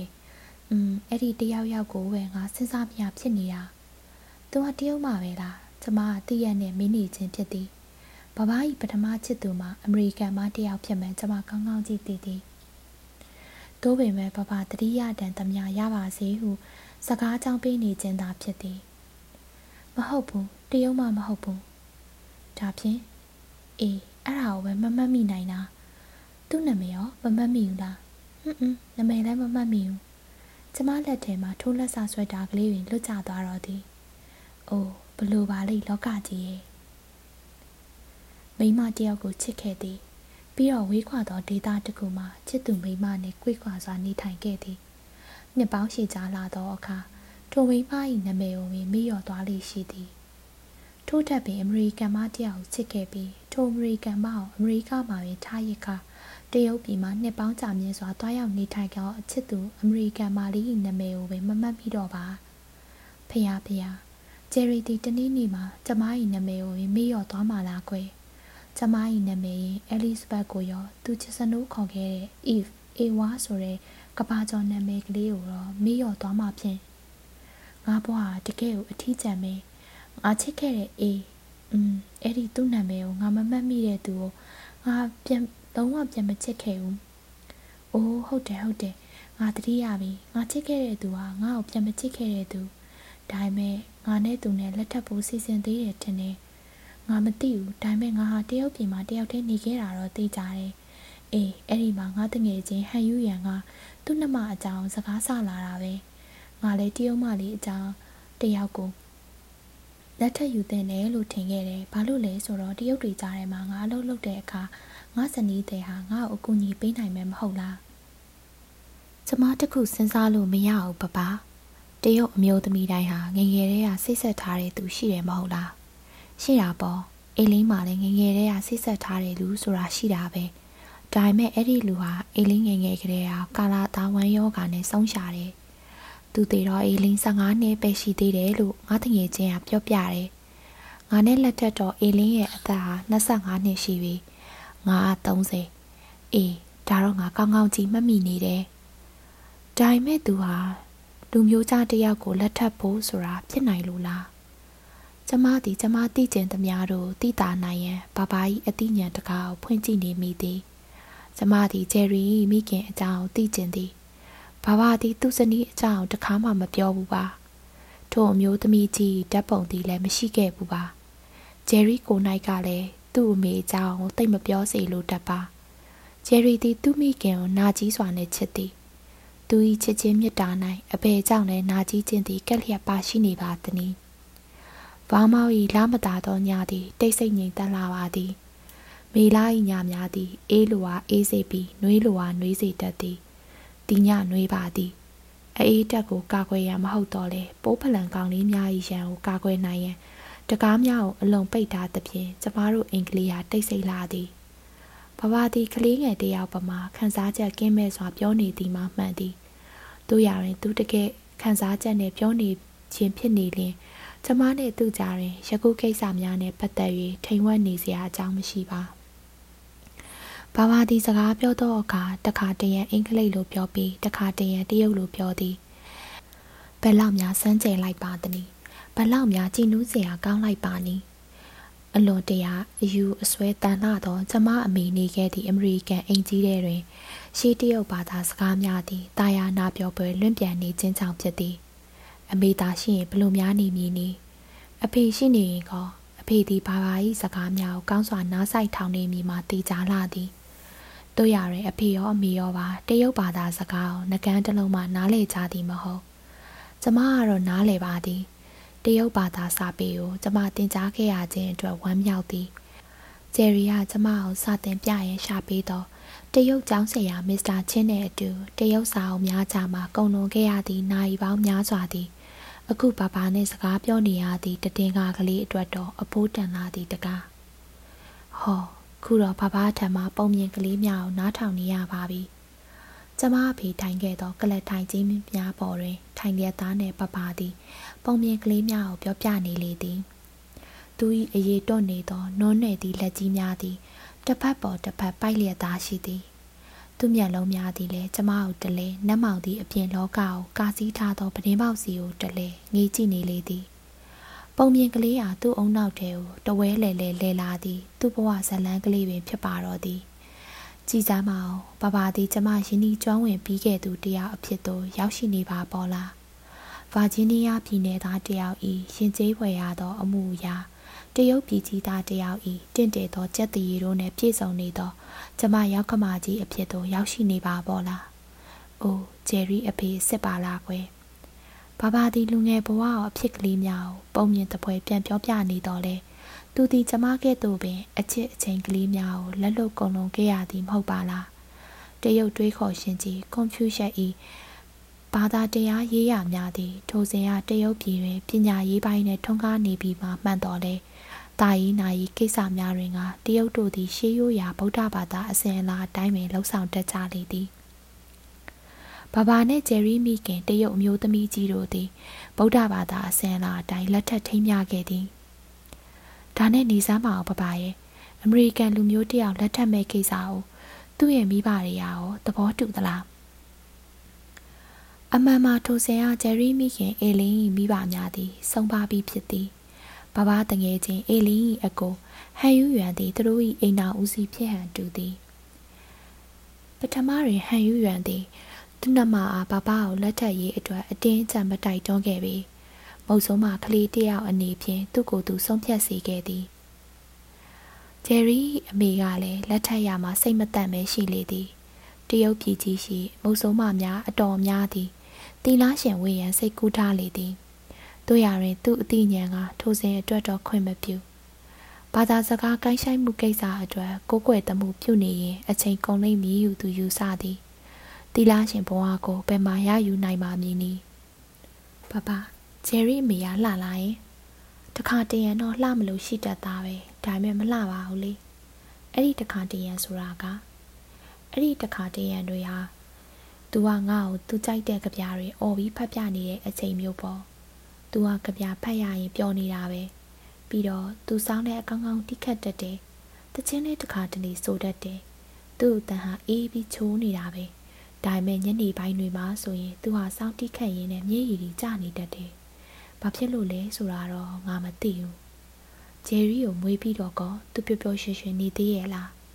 သူပျော်ရွှင်နေမပျော်ရွှင်ဘူးဆိုတာ ဘယ်တော့မှ မသိတာဘူး ဒါပေမဲ့ဂျယ်ရီကိုမွေးပြီးတဲ့နောက်ပိုင်းမှာတော့သူ့ရဲ့အမူအရာတွေကပြောင်းလဲလာတော့အမှန်ပဲသူဟာကြပြလဲသိမ့်မဖတ်တော့ဘူးစောင်းကိုဆိုရင်လုံးဝမကင်တော့တဲ့အထီးပဲအဲ့ဒီအစားတရုတ်ပြည်ကြီးရဲ့တော်လန်ရေးကိုသူဟာစိတ်ဝင်စားလာတယ်ဒါပေမဲ့နိုင်ငံရေးကိုတော့ဂရုတစိုက်မရှိသေးဘူးဂျယ်ရီကိုမမွေးခင်ကသူသတင်းစာမှန်မှန်ဖတ်သလားမဖတ်သလားမသိရပေမဲ့ဂျယ်ရီကိုမွေးပြီးတဲ့နောက်ပိုင်းမှာတော့စာအုပ်သိပ်ဖတ်လာတယ်စာအုပ်သစ်တွေမဂ္ဂဇင်းအသစ်တွေသိပ်ဖတ်တာပဲ နောက်တော့ငါတို့နဲ့ပုံတံချင်းလုံးဝမတူတဲ့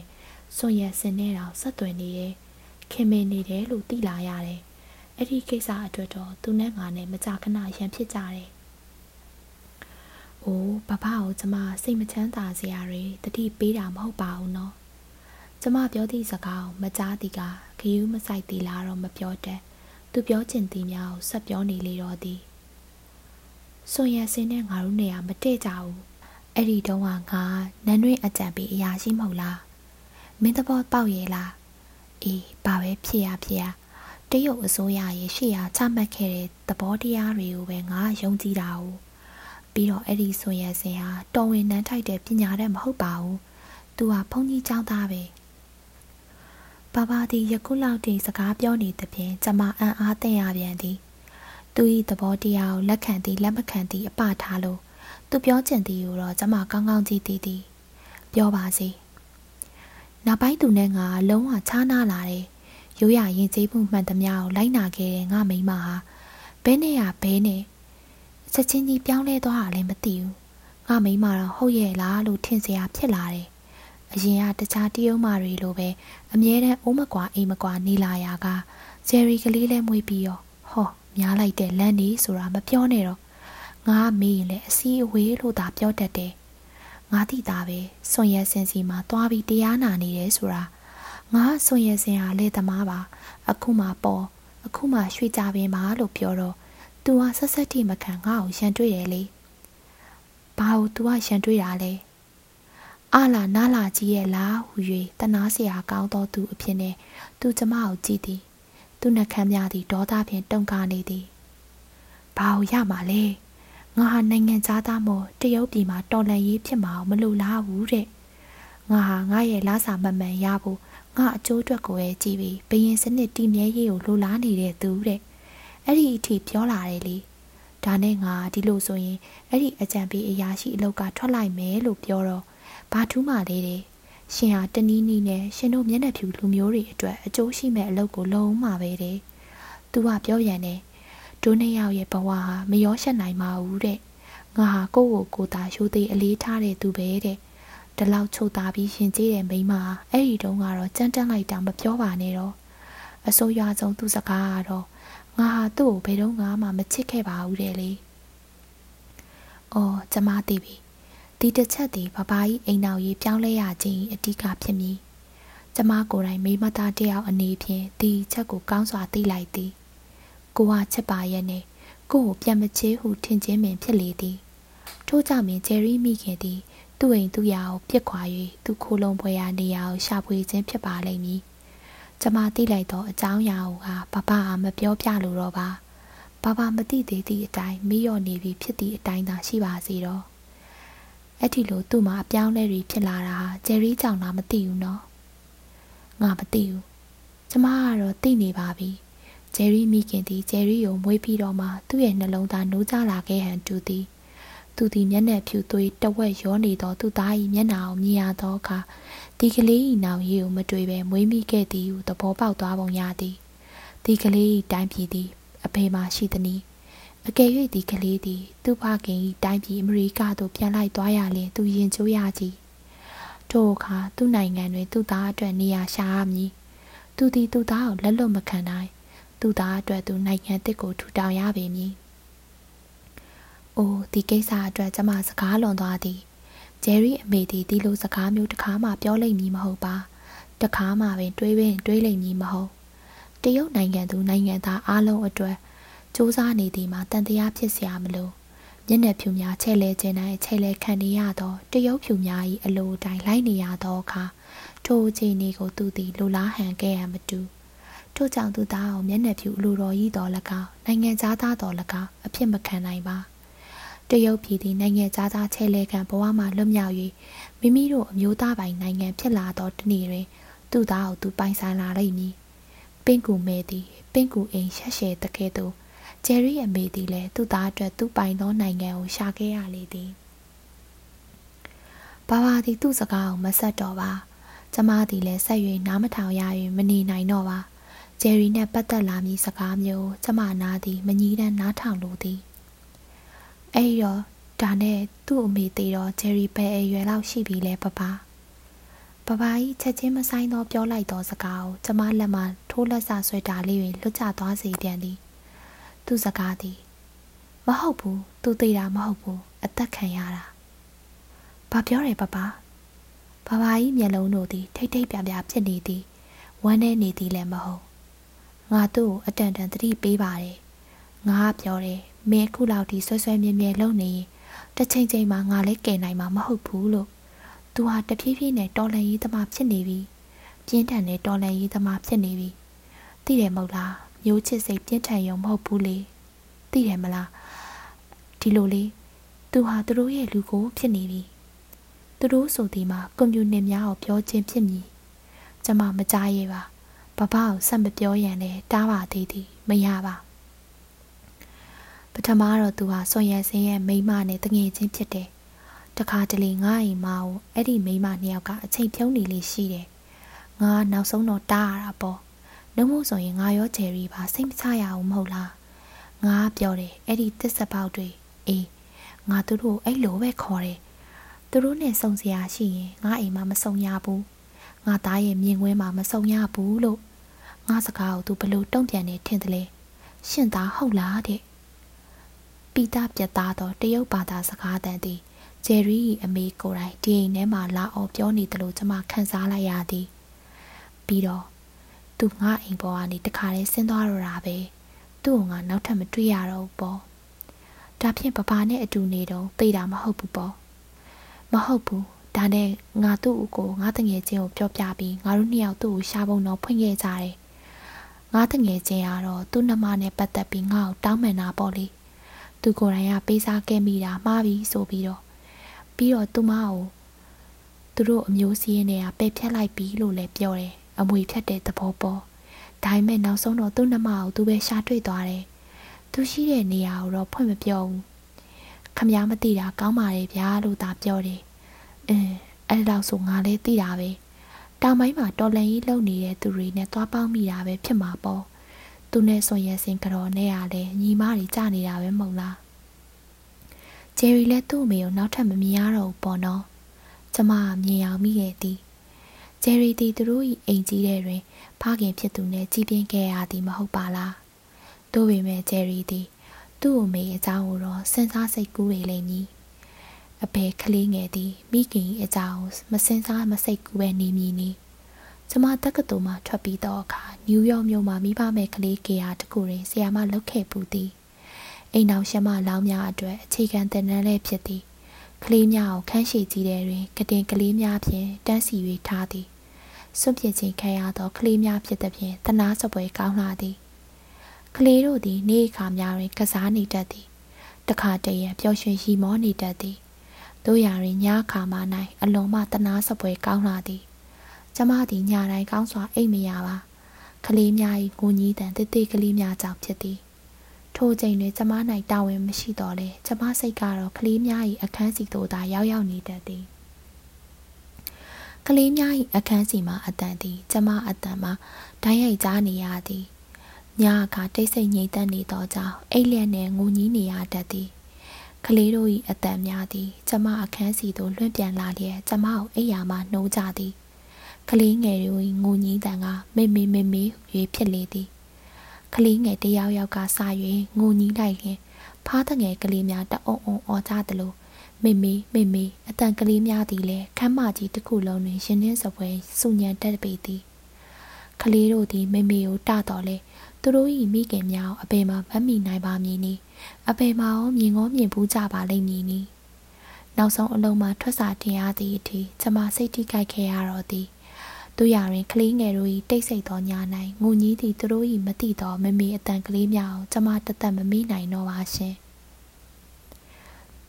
တီတို့ပင်ရှိပါလိမ့်မည် ကလေးငယ်ကလေးဂျယ်ရီတီလည်းတိုင်းတပါသားဖခင်နဲ့အတူပီကင်းမျိုးရှိအိမ်ကြီးတဲ့တွင်သူ့မိခင်အတွက်ညခါ၌ငုံကြီးရှာပေလိမ့်မည်ဂျယ်ရီဟာသူ့မိခင်နဲ့တွေ့ခွင့်ရခဲ့ပါတယ်ဒီကိစ္စမှာတော့သူ့အမေဟာတော်တယ်ငါ့ရင်ဆင်းသွားပြီးတဲ့နောက်မှာငါမသိအောင်ကိုချောင်ကိုဝဲနဲ့သူ့သားကိုလာမတွေ့ဘူးသူ့ကိုကတစင်ကလေးကိုသူ့စီပုတ်ပေးဖို့ပြောတယ်ဘဘရောသဘောတူလိုက်သလားပထမတော့သဘောမတူဘူး သူ့စိတ်မျိုးတွေကလေးမှဝင်လာမှစိုးလို့လေ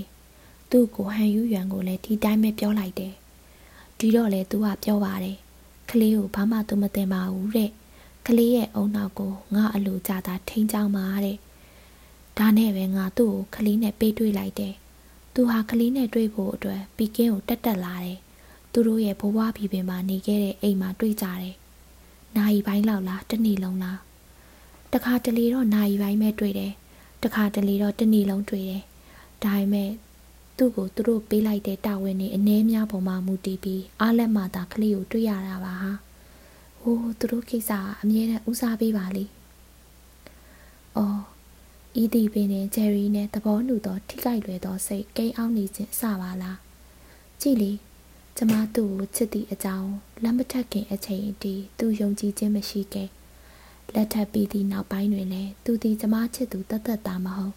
တကယ်ကိုချစ်ခင်ဖို့ကောင်းသည့်လူတစ်ယောက်အကြောင်းကျမအချိန်ချင်းတက်တဲ့ပြခဲ့သည်မဟုတ်ပါလားတခါကားဆိုရင်ကာပွဲတစ်ခုမှာသူသည်ချစ်ခင်ပွဲကောင်းသောလူတစ်ယောက်ဖြစ်ကြောင်းကျမကဟန်ဆောင်သဝင်တို့ပြရင်တက်တည်တည်ခဲ့ရသည်ဂျယ်ရီရဲ့အခုတခါပြီးရင်တီးပြင်ကောင်းမလေးတွေနဲ့ထပ်တွဲပကပါနဲ့တော့နော်ကျမစကားကြောင့်သူ့မျက်နှာကြီးမြည်ရဲသွားသည် ဟာမယူးစားမှနဲ့ကွာဟူ၍တုံ့ပြန်လေသည်ကျမကသူချစ်စရာကောင်းသူဖြစ်ကြောင်းတသက်ပြသည့်အနေဖြင့်ဟန်ဆောင်၍တဝင်းတိုးလိုက်ခြင်းကိုသူမသိကျမသည်ဘယ်တော့မှတဝင်းမတိုးတတ်ပါအဖေကြောင့်ဆိုတော့သူ့အကြောင်းကျမသိတယ်လို့ကျမအကြောင်းလည်းကျမသိသောကြောင့်ဖြစ်သည်ဘလောက်လာသည့်မိန်းကလေးပေါင်းများများစွာနဲ့ကပွဲမှာဆုံခဲ့ရသည်ဖြစ်စေကျမတဝင်းမတိုးပါဂျယ်ရီသည်သူတစ်ပါးနဲ့တဝင်းတိုးစရာကောင်းလောက်ယောက်ျားပိသားသူဖြစ်သည် တို့ရရင်သူသည်ကျမချစ်သူကျမပိုင်တော့ချစ်လင်မဟုတ်ပါလားရှင်စိတ်ကူးရင်ကြီးဆိုနေရင်နိုင်သည့်ချစ်စရာပွဲတော့ခေပေါ်တရုံမှကလေးများကြောင့်လေသူ့အတွက်ကျမမစိုးရိမ်ပါမစိုးရိမ်တတ်သည်ကျမကိုကျမပင်ယခုအခါချိန်နှံ့မိပါသေးသည်ဤသို့ပင်ရှိစေကျမချစ်သူသည်အတိညာဉ်ကျွဲပါသည်မှန်ကန်စွာဆုံးဖြတ်နိုင်သည်ပြီးတော့အသည်ဆိုရလာအောင်ပင်ရိုးသားလွန်သည် ငါတကူတော့မကျေနပ်ဘူးဘာလို့လဲဆိုတော့ဂျယ်ရီဟာအဲ့ဒီသူ့အမေနဲ့တွေ့တဲ့အိမ်ကိုရောက်ရင်တိတ်မပြန်ကျင်တတ်ဘူးကလေးကြိုက်တဲ့မုတ်ပဲတရေစာတွေနဲ့ပဲချော့နေကြလို့လားအဲ့ဒီအိမ်ကအချီတော်အချတော်အယူတော်အရတော်တွေရဲ့အပြုစုကိုပဲတာယာနေသလားတခုခုပဲမင်းသိတယ်မဟုတ်လားသိပါသည်ထူထူသောဘိုးဘွားအစင်လာတို့နဲ့နေခဲ့ကြသောတရုတ်မိသားစုကြီးများသည်တားယောက်ျားကလေးများကိုအထူးဂရုပြု၍မျက်နှိုးတက်သည် တားယောက်ျားကလေးများသည်သူတို့အတွက်မျှော်လင့်ချက်ဖြစ်သောကြောင့်ဖြစ်သည်တားယောက်ျားကလေးများသည် ကောင်းစွာထိမ့်သိမ့်ပြုစုခြင်းအလိုလိုက်ခြင်းတို့ကိုခံစားရသည်သူတို့သည်တွေ့တာမှုလှိုင်းတဘိုးများပြင်းထန်နေသည်အချစ်တပုတ်ပြင်အောက်တွင်စုံစုံနှင့်အောင်ဝင်ရောက်သွားသည်ရာများသည်ကိုခံအတွေးခေါ်အရေးအချင်းအလွန်မင်းပြည့်စုံသူချို့သာလေလွတ်ရလွတ်ကြောင်းရက်တည်နိုင်ကြလေသည်ဆုံးပါသောသောကျမသမီးကလေးသည်ယောက်ျားလေးဖြစ်ခဲ့ပါနေ မိမိဘဝအတွက်လွတ်လပ်စွာရက်တည်နိုင်သူဖြစ်ရပေလိမ့်မည်ကျမသမီးသည် ကိုပိုင်အေးချင်းပြည့်စုံသူဖြစ်သည်တို့ရတဲ့သူသည်ယောက်ျားကလေးမဟုတ်မိန်းကလေးသာဖြစ်သည်သမီးကလေးသည် ကျမ၏ကလေးဦးဖြစ်သည်သမီးကလေးဝေးပွားစဉ်ဟာဆေးရုံသို့ကျယ်ရီရောက်လာလျင်သူ့မျက်လုံးများအလိုမဖြည့်ခြင်းအရေးရအောင်တွေ့ရသည်သူသည်တရုတ်ပြည်သားစွာပင်သားဝိုလိုခြင်းသည် ဂျယ်ရီရောက်လာသောအချိန်တွင်သမီးကလေးသည်ကျမ၏ညာဘက်လက်ခွင်လက်ခွင်ပေါ်တွင်ရှိနေသည်ဟုတ်ပါရဲ့ညာဘက်လက်ခွင်ထဲမှာကြည်စမ်းမအောင်ရှင်ဘာမဟုတ်သည့်ကိစ္စကလေးကိုကျမကောင်းကောင်းကြီးမှတ်မိနေပါသေးရဲ့လူကြီးမင်းရဲ့သမီးကလေးပါရှင်ကျမသည်ဦးမျိုးသည်ဟုဆိုရလာအောင်ပင်ဖြစ်နေသဖြင့်လဲဂျယ်ရီကိုအထက်ပါခဲ့သူကြည်စဲမိသည်ထိုစဉ်ကရက်များသည်တကယ်ကိုပျော်စရာကောင်းလာသည်ချစ်သူနဲ့ တပေါ်အလုံးပုံချစ်ရသည်ချစ်လင်နေပေါ့အချစ်အိမ်ကလေးနဲ့ပီကင်းမြို့ကြီးဟာအချစ်အိမ်ကလေးနဲ့ပါတရုတ်ပြည်မကြီးရဲ့မြို့တော်ပီကင်းမြို့ကြီးမှာပါရှင်ဂျယ်ရီသည်အလိုမပြေခြင်းကိုအတက်နိုင်ဆုံးဖုံးကွယ်တဲ့ကတင်ဆုံးပေါ်တွင်ထိုင်ရင်သမီးကလေးကိုကြည့်သည်ကလေးကတိတ်သေးတာပဲဒီစကားအတွက်ကျမစိတ်ဆိုးသည် အဖြစ်ရှာစရာရှားလို့ရှင်။အိုးမဆိုင်တာပဲ ကလေးကရှစ်ပေါင်လောက်ရှိတာပြီးတော့သမီးကလေးကတိတ်ညံကောင်းမဲ့ပုံပဲ။ဘာညံတိတ်ကောင်းမယ်။ဟုတ်တယ်ဟုတ်တယ်။သူသည်အိပ်ပျော်နေသောဝိုင်းဆက်ဆက်မျက်နှာကလေးကိုကြည့်သည်။ကျမသည်သူနဲ့ပတ်သက်၍အမြဲလျှော့ပေးမြဲဖြစ်တော်လဲသမီးကလေးနဲ့ပတ်သက်၍အလျှော့မပေးနိုင်ပါ။ကျမသည်ကျမသမီးကလေးမျက်နှာကိုမြင်ရလေမြင်ရချင်းကလေးကသမီးကလေးသည်လှမည် ညံကောင်းမည်လူတော်လူကောင်းမလေးဖြစ်မည်ကိုအလိုလိုသိသည်ကျမမှန်သည်သမီးကလေးသည်သူဆုံးမိငါးနှစ်သမီးအရွယ်အထိသူ၏တပေါ်အလုံးမှာကျမစကားအတိုင်းသာဖြစ်ခဲ့သည်။အိုးခုလိုကျမတို့လက်ထပ်မဲ့နေမျိုးမှာသမီးကလေး၏တည်ခြင်းအကြောင်းကျမမေးထားပြရစီ။ကျမသည်စကားစာကိုဖြတ်ပစ်ဖို့ကြိုးစားရသည်။ဘဘစကားတွေလည်းပြောရလုံးတော့မောလာရောပေါ့။ ကဲအဲ့ရဝင်มาတော့နော်နောက်မှဆက်ပြောကြမယ်ဟုတ်လား။ဘဘဒီထိုင်ရမှတုတ်တုံမှမလို့သူ့ကိုကျမစောင့်ကြည့်မိသည်။ငါစကားမဆုံးသေးဘူးလေ။ဂျယ်ရီအမေဘလို့အသက်ခံရတယ်ဆိုတာကိုမပြောရသေးပဲနဲ့။ကျမမကြားပြရစီနဲ့သူ၏မျက်လုံးများသည်သူဇနီးတဲ့တည်ခြင်းသည်ထိတ်လန့်စပွဲကောင်းလောက်အောင်တည်ဆုံးခြင်းမျိုးဖြစ်ကြောင်းချိုတင်အသိပေးနေသည်သူ့ကိုတက်ပြစ်လိုက်ကြတာပေါ့ သူ့အတန်ကကတုံကရင်နိုင်မှုကျမခံနိုင်ရင်မရှိပါ။ဘဘရင်မပြောပါနဲ့တော့အဲ့ဒီအကြောင်းမေးလိုက်ပါ။1930ခုနှစ်ကနန်ကင်းမြို့မှာပေါ်သူ့အမျိုးသားအစိုးရရဲ့လျှို့ဝှက်ရဲတပ်ဖွဲ့ဟာမျက်ခြေမပြတ်စောင့်ကြပ်နေတဲ့အချိန်စွန်ရစင်ကတော်နဲ့လည်းတွေ့ရမဟုတ်ပဲ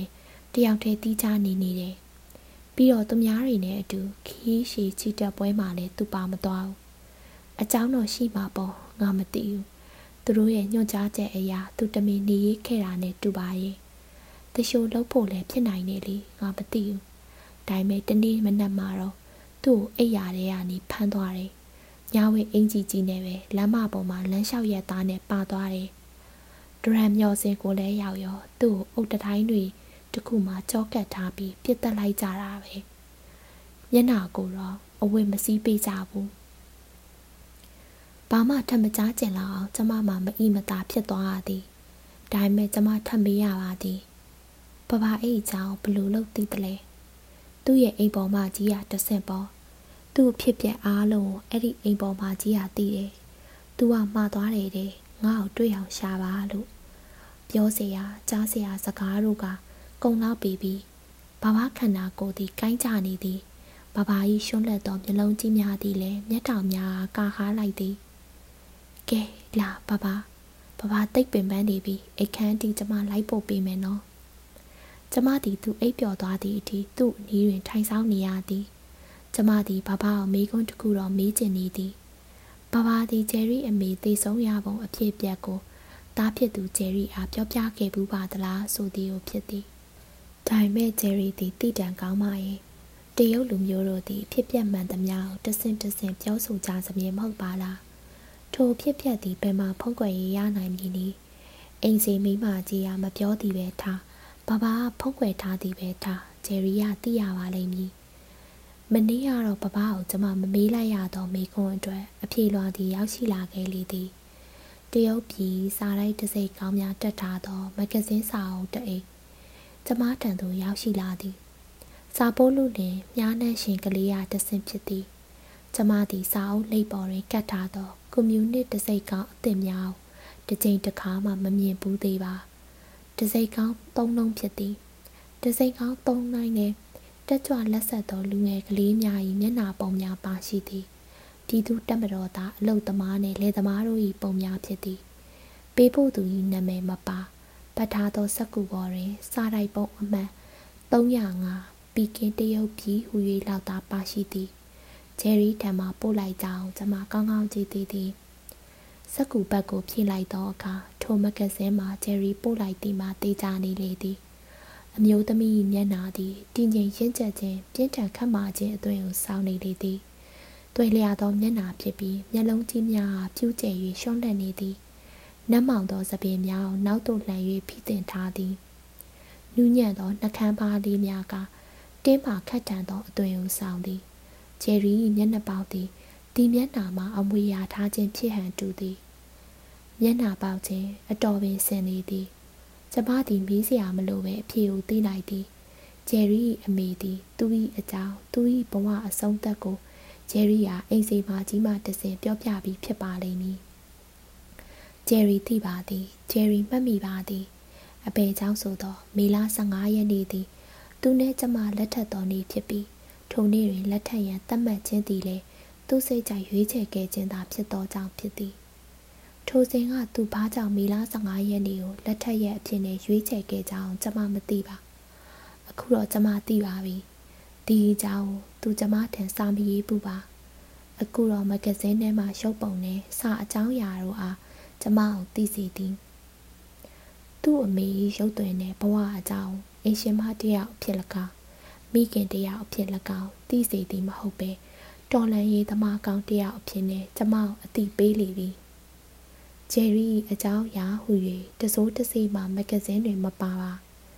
ပါဝင်စရာအကြောင်းလည်းမရှိချေတို့ရတယ်ကျမသဘောပေါက်လိုက်ပါပြီသူ့အမေကြီးဘဝကိုဖော်ပြရင်းဖြင့်ဂျယ်ရီသည်သူကိုယ်တိုင်၏ဘဝကိုလည်းကျမကနားလည်စေခြင်းသောကြောင့်ကျမကောင်းကောင်းကြီးသဘောပေါက်လိုက်ပါပြီ ကောင်းပါပြီအချစ်ရဲ့ကျမစူးစမ်းပြီးရှင့်ဘဝကိုနားလေကြည့်ပါမယ်